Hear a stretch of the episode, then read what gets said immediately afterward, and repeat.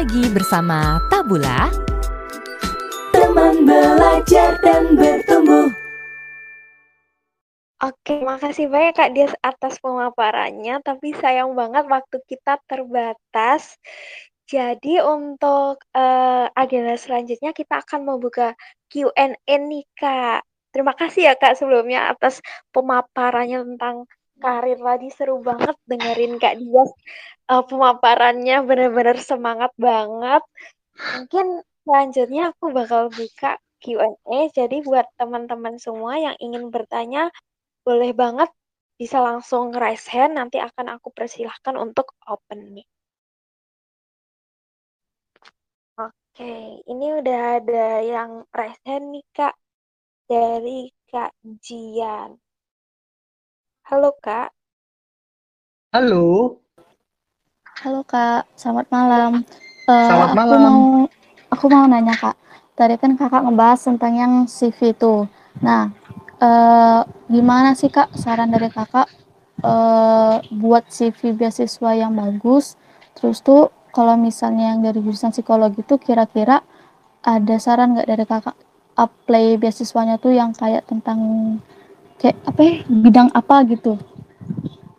Oke, okay, berarti Berarti Jihan ini psikologi ya berarti ya? Iya kak. Oh, I see, I see. Oke, okay, oke. Okay. Thank you Jihan for the question. Very good. Uh, apa namanya question? Aku izin jawab ya Jihan ya. Dan semoga kalau teman-teman uh, ya mungkin apa nggak sesuai uh, nanti koreksi aja karena pengalamanku juga terbatas uh, terkait dengan uh, CV dan juga beasiswa gitu kan, terutama untuk anak-anak psikologi gitu kan. I know kayaknya di sini banyak juga anak psikologi juga. Aku rasa uh, dalam satu lingkungan yang akhirnya uh, homogen gitu kan Uh, tapi kalau misalkan masalah beasiswa ya, gitu kan. Uh, aku berkaca pada pengalamanku pribadi gitu. Dan mungkin pengalamanku tidak sebanyak teman-teman lainnya, tapi aku uh, aku tuh beasiswa uh, ya pernah beberapa kali. Aku uh, ke Amerika tadi, ke Thailand, ke Korea, ke Singapura, ke Malaysia, ke India, uh, dan hal tersebut didapatkan dari beasiswa dan apakah beasiswa tersebut berkaitan dengan psikologi? Jujurnya enggak juga gitu. Atau mungkin enggak banget gitu kan.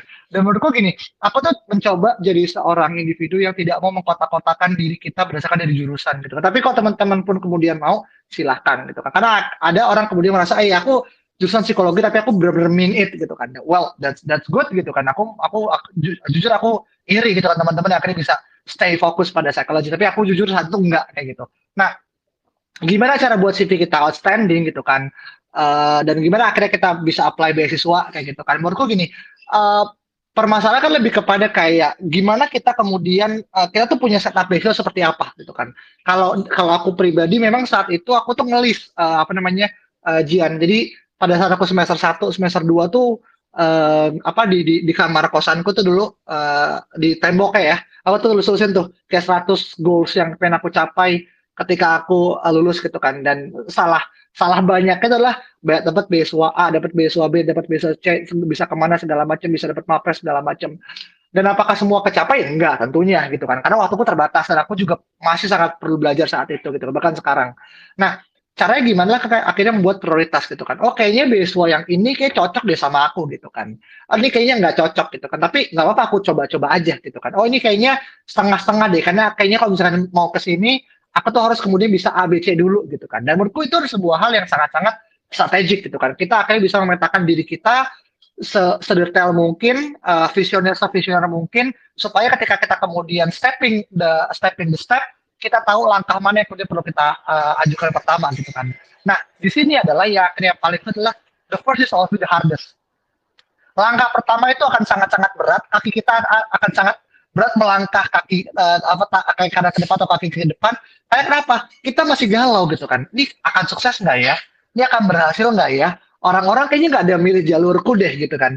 Atau mungkin kayak ah aku takut misalkan waktuku terbuang sia-sia. Gitu. nah uh, ini ya kemudian berhubungan dengan mindset itu kan. Makanya ada konsep growth mindset itu kan. Kayak misalkan contoh ya balik ke aku pribadi saat itu karena aku cuma tahu aku doang gitu kan Uh, aku mikir gitu ya, kayak aku dulu pengen banget uh, uh, beasiswa ke Amerika ada dengan Wisely kalau teman pernah dengar beasiswanya gitu kan.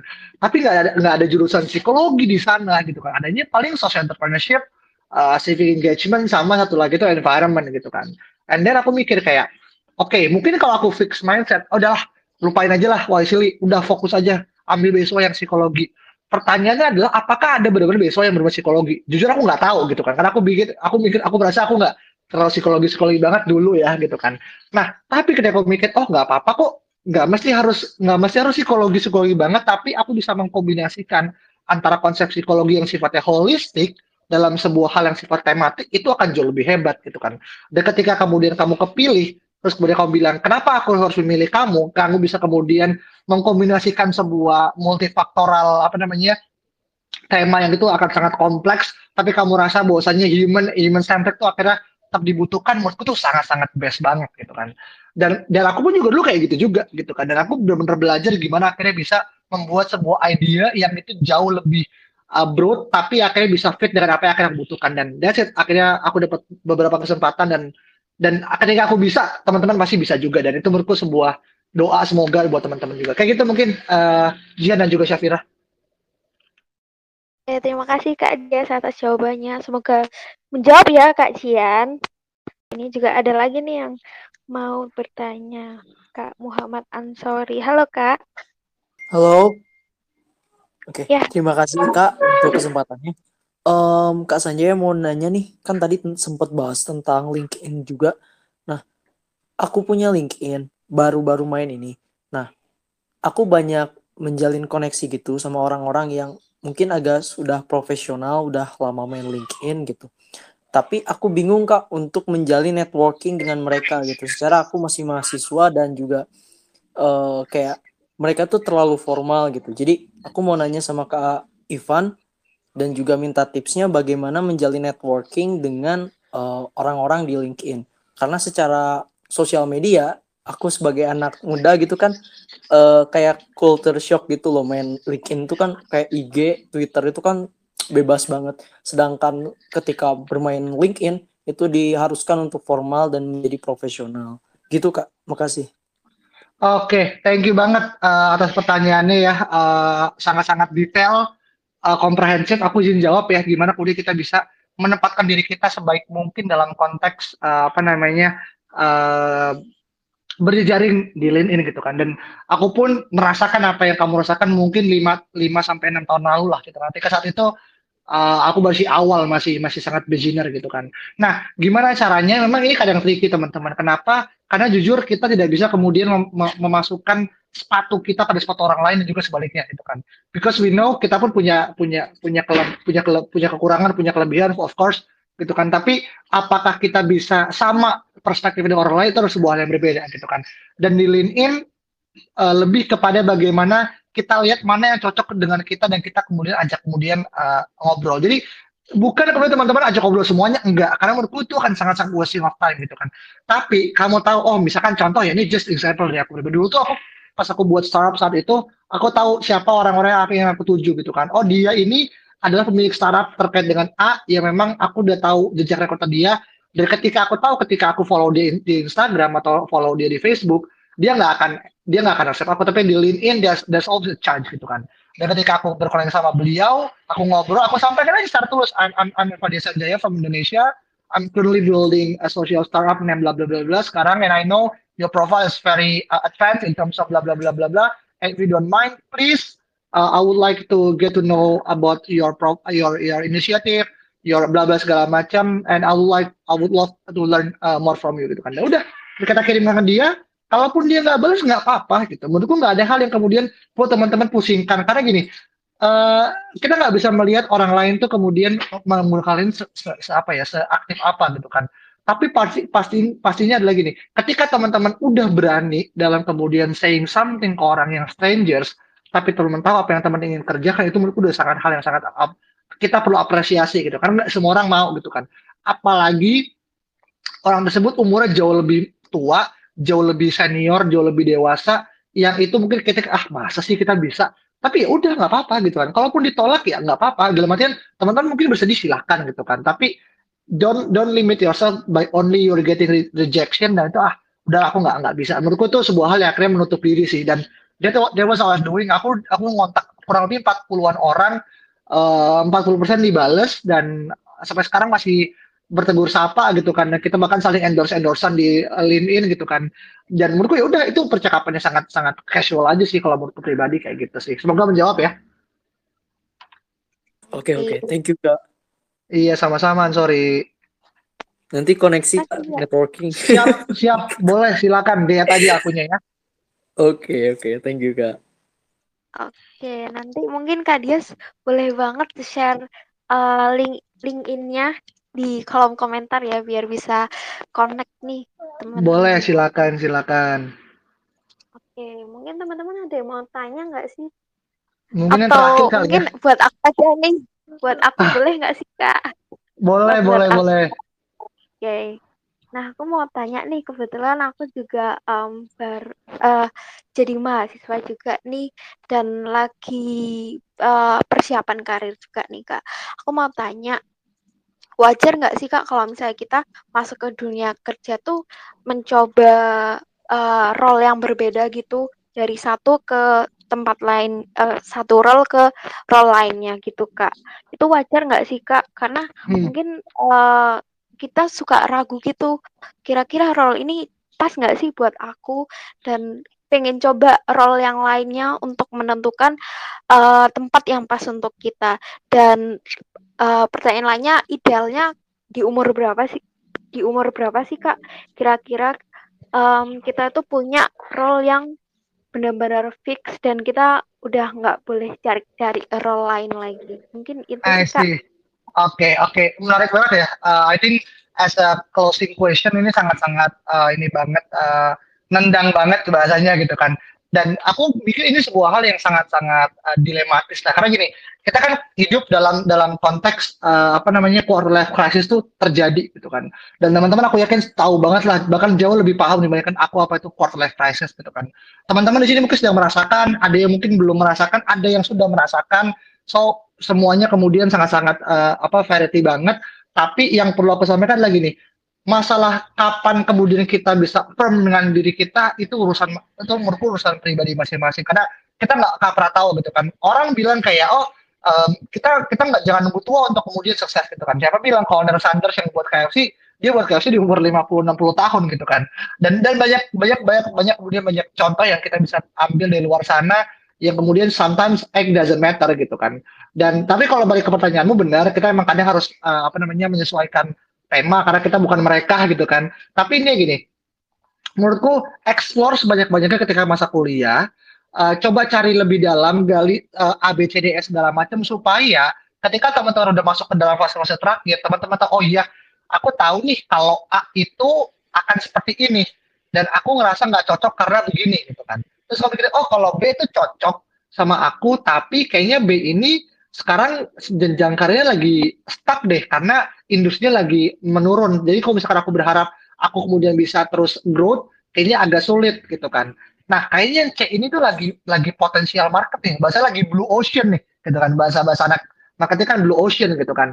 Kayaknya belum banyak orang yang kerja di sana dan aku bisa jadi seorang pionir yang kemudian nantinya orang akan kemudian mengikuti jejakku juga gitu kan.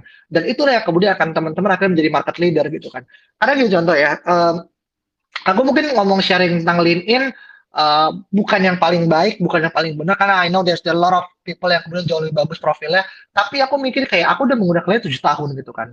Dan aku paham bagaimana kemudian aku tuh dulu nge orang nggak banyak orang kemudian nge-accept aku gitu kan. Orang kemudian aku balas di komentar orang-orang nggak balas tapi menurutku nggak apa-apa gitu.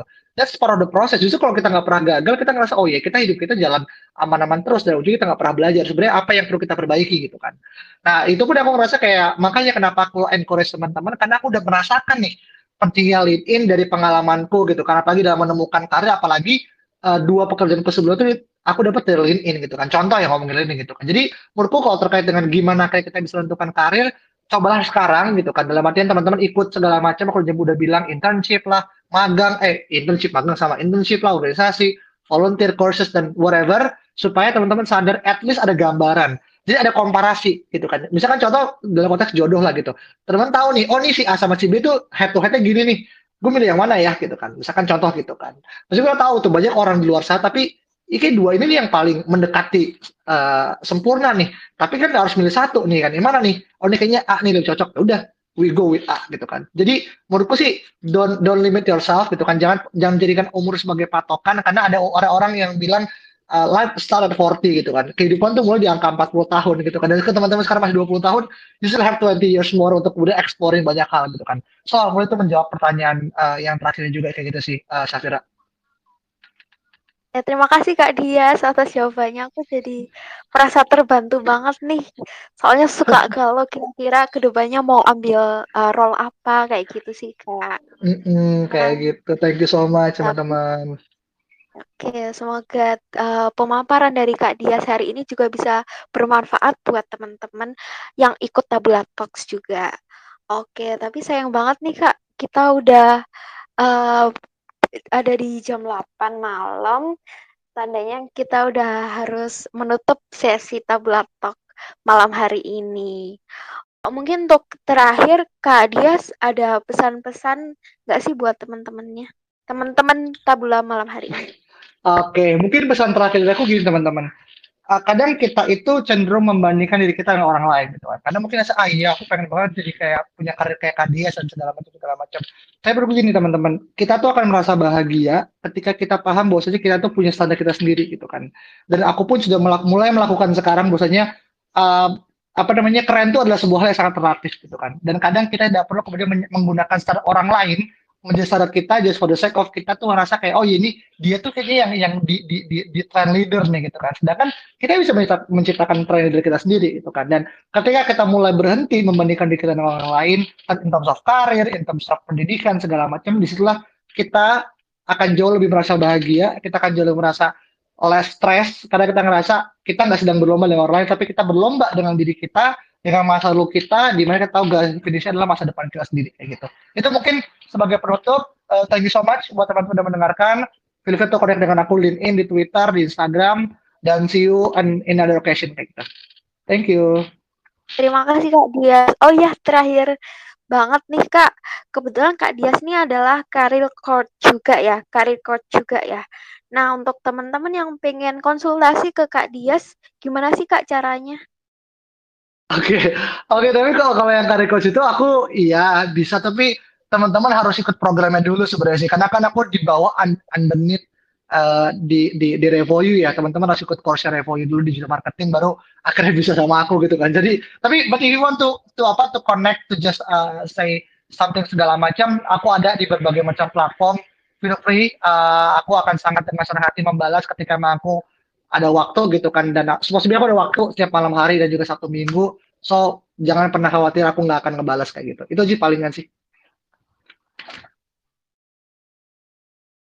Oke, terima kasih Kak Dia. Jadi teman-teman semua setelah Tabula Talk berakhir hari ini bisa langsung connect ke semua sosial media Kak Dias. Buat bisa konsultasi atau tanya-tanya tentang karir lebih dalam ya Kak. Mungkin itu aja. Terakhir uh, Talk dari aku. Terima kasih banyak kepada teman-teman semua yang sudah uh, bersedia ikut di Tabula Talks malam hari ini. Saya Syafira pamit undur diri. Wassalamualaikum warahmatullahi wabarakatuh. See you di Tabula Talk selanjutnya.